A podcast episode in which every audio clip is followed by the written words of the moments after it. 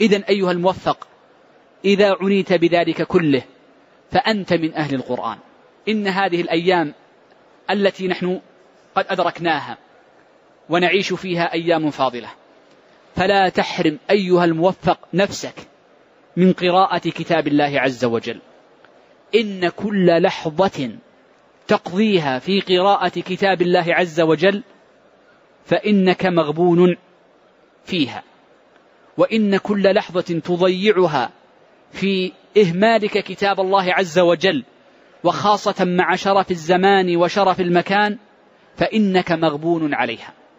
إذا احرص على قراءة كتاب الله واستفد من هذه الأيام بكثرة القراءة وإحسان التلاوة ولو أن تضبط أول سورة من كتاب الله على مقرئ الحرم.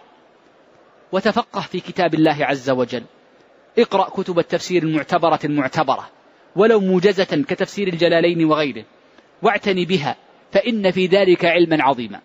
ثم اعلم بعد ذلك أنك إن انشغلت بكتاب الله عز وجل لتعطين كل خير من خير الدنيا والآخرة. أروي لك حديثا عجيبا جليلا كبيرا. هذا الحديث إذا آمنت به وعرفته وتيقنته فإنك ستجد بالقرآن غنى عن غيره. روى النسائي في السنن من حديث عطية العوفي عن أبي سعيد الخدري رضي الله عنه أنه رضي الله عنه قال قال النبي صلى الله عليه وسلم قال الله عز وجل من شغله ذكري عن مساءلتي أعطيته أفضل مما أعطي السائلين من شغله ذكري عن مساءلتي أعطيته أفضل مما أعطي السائلين من انشغل بالقرآن وهو أعظم ذكر الله عز وجل. عن كل شيء حتى السؤال والطلب وهو دعاء الطلب.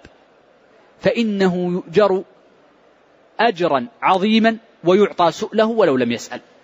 وهذا الكلام طبعا في غير مواضع التي يكون فيها الدعاء. فأنتم تعلمون أنه قد ثبت من حديث أبي قتادة أن النبي صلى الله عليه وسلم قال ألا وإني نهيت أن أقرأ القرآن راكعا أو ساجدا. فأما الركوع فعظموا فيه الرب. وأما السجود فأكثروا فيه من الدعاء. فقمن أن يستجاب لكم.